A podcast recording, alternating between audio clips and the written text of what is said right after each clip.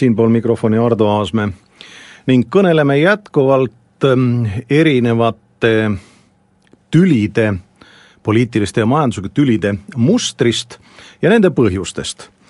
kui me rääkisime Taist, kus ähm, konflikti peamiseks põhjuseks ühiskonnas on rahvatulu ebaühtlane jaotus või väga suur ebaühtlus selle jaotumisel ja Liibüas oli jällegi probleemiks see, et loodusvarad ja on väga ebaühtlaselt jaotunud ja nendelt saadavad tulud ei jõua õiglaselt ähm, elanikeni, siis täna on põhjust rääkida meil Küprosest. ja Küpros teatavasti on tänapäeval jagatud Kreeka ja Türgi Küproseks, põhjaosa, umbes nelikümmend protsenti territooriumist on Türgi poolt ähm, okupeeritud, Türgi tunnistab okupatsiooni, Türgi on seisukohal, et ähm, võiks selle küsimuse lahendada Kreeka ja Türgi poole ühinemisega Küprosel. kuid ähm, tekib ju küsimus,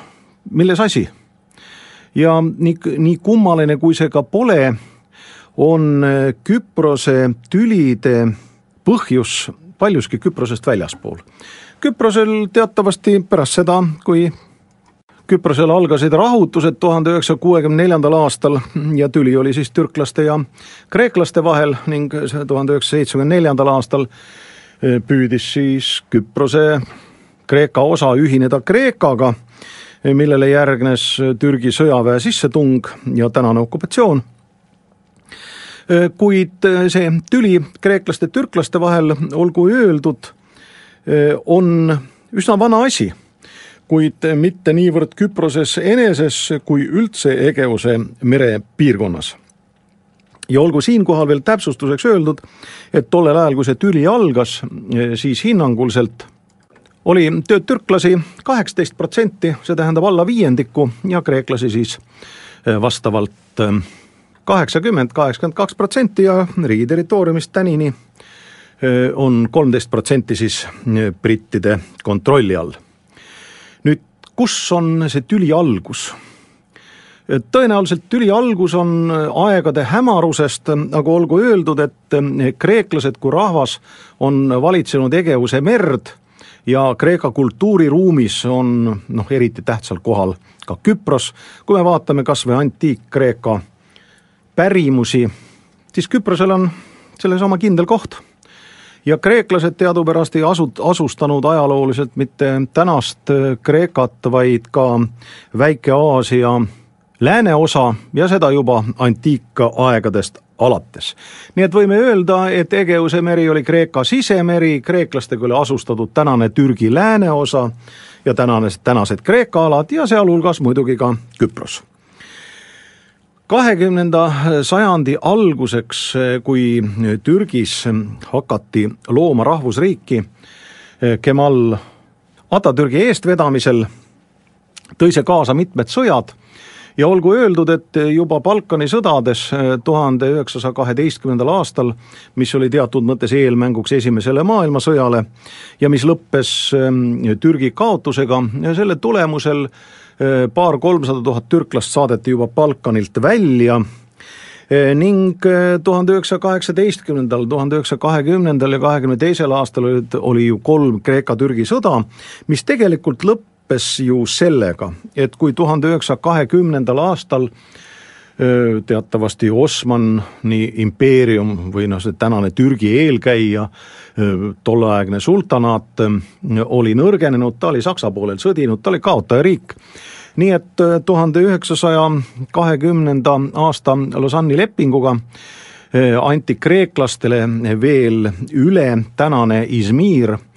kreekapäraselt Smürna, see oli piirkond, mis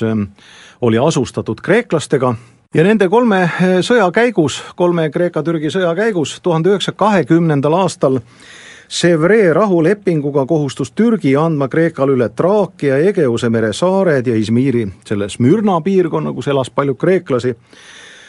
Kuid pärast kahekümne teise aasta sõja kaotust mm, tehti Lausanne'i leping tuhande üheksasaja kahekümne kolmandal aastal, kus Kreeka pidi Smürnast või Izmirist loobuma. tulemuseks oli tõsiasi, et Väike-Aasiast põgenes või siis mm, viidi Kreekasse üle pooleteist miljoni inimese, see oli tollel ajal erakordselt suur arv, arvestades tolleaegset Kreeka elanike üldarvu ja eh, samal ajal Saloniki türklased eh, toodi ära ju, nõndanimetatud Saloniki türklased toodi ära ju Kreekast, ehk toimus elanikkonna vahetus. Eh, tänasel päeval võib-olla nimetatakse etniliseks puhastuseks, kuid tolleaegne lep-, etniline puhastus oli lepinguline. Ja seega lahendati küsimus teatud mõttes äh, stalinlikult, pole inimest, pole probleemi, pole Kreeka probleemi Türgis, sellepärast et pole kreeklasi ja pole Türgi probleemi Kreekas, sest pole türklasi. Äh, kuid tuhande kaheksasaja seitsmekümne kaheksandast aastast äh, anti Küpros teatavasti brittide valitsemise alla Osmani impeeriumi võlgade katteks ja saarelt saadavate tuludega maksti siis Osmani impeeriumi võlga ja tulemus oli lõppkokkuvõttes selles, et et kui Osmani impeerium lakkas olemast ja tuhande üheksasaja kahekümne kolmandal aastal lakkas sultani võim Türgis olemast ja Türgi kuulutati vabariigiks, siis Küpros jäigi Suurbritanniale ning seal teatavasti mingit rahvaste vahetamist ei toimunud ning see vana tülikolle, mis Kreeka-Türgi vahel lahendati rahvaste vahetamisega, jäi Küprosel toimumata. ja vana vastuolu jäi vinduma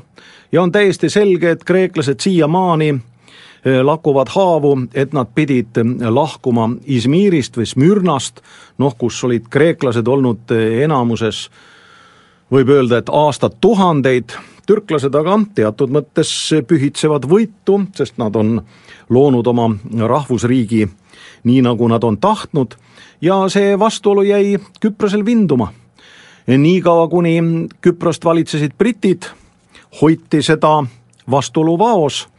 kui aga e, britid lahkusid või täpsemalt andsid võimu üle kohalikele, e, siis see tüli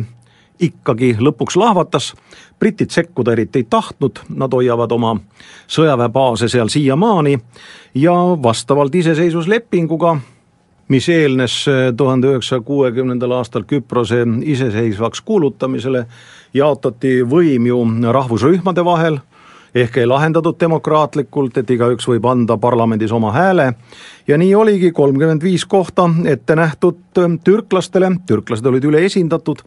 tänasel päeval on ju nii, et Küprose parlamendis on türklaste kohad tühjad, sest Põhja-Küpros ei hääleta. Ja kui keegi Eesti kodanikest tahaks ähm, hakata ühel päeval Küprose kodanikuks, siis ta tegelikult seisab väga veidra valiku ees. ta peab kohe ära otsustama, kas ta on kreeklane või türklane, sest vastavalt sellele toimuvad valimised. ja sa võid rääkida, et sa oled eestlane või mitte, sa pead määratlema, kummas kogukonnas sa seal oled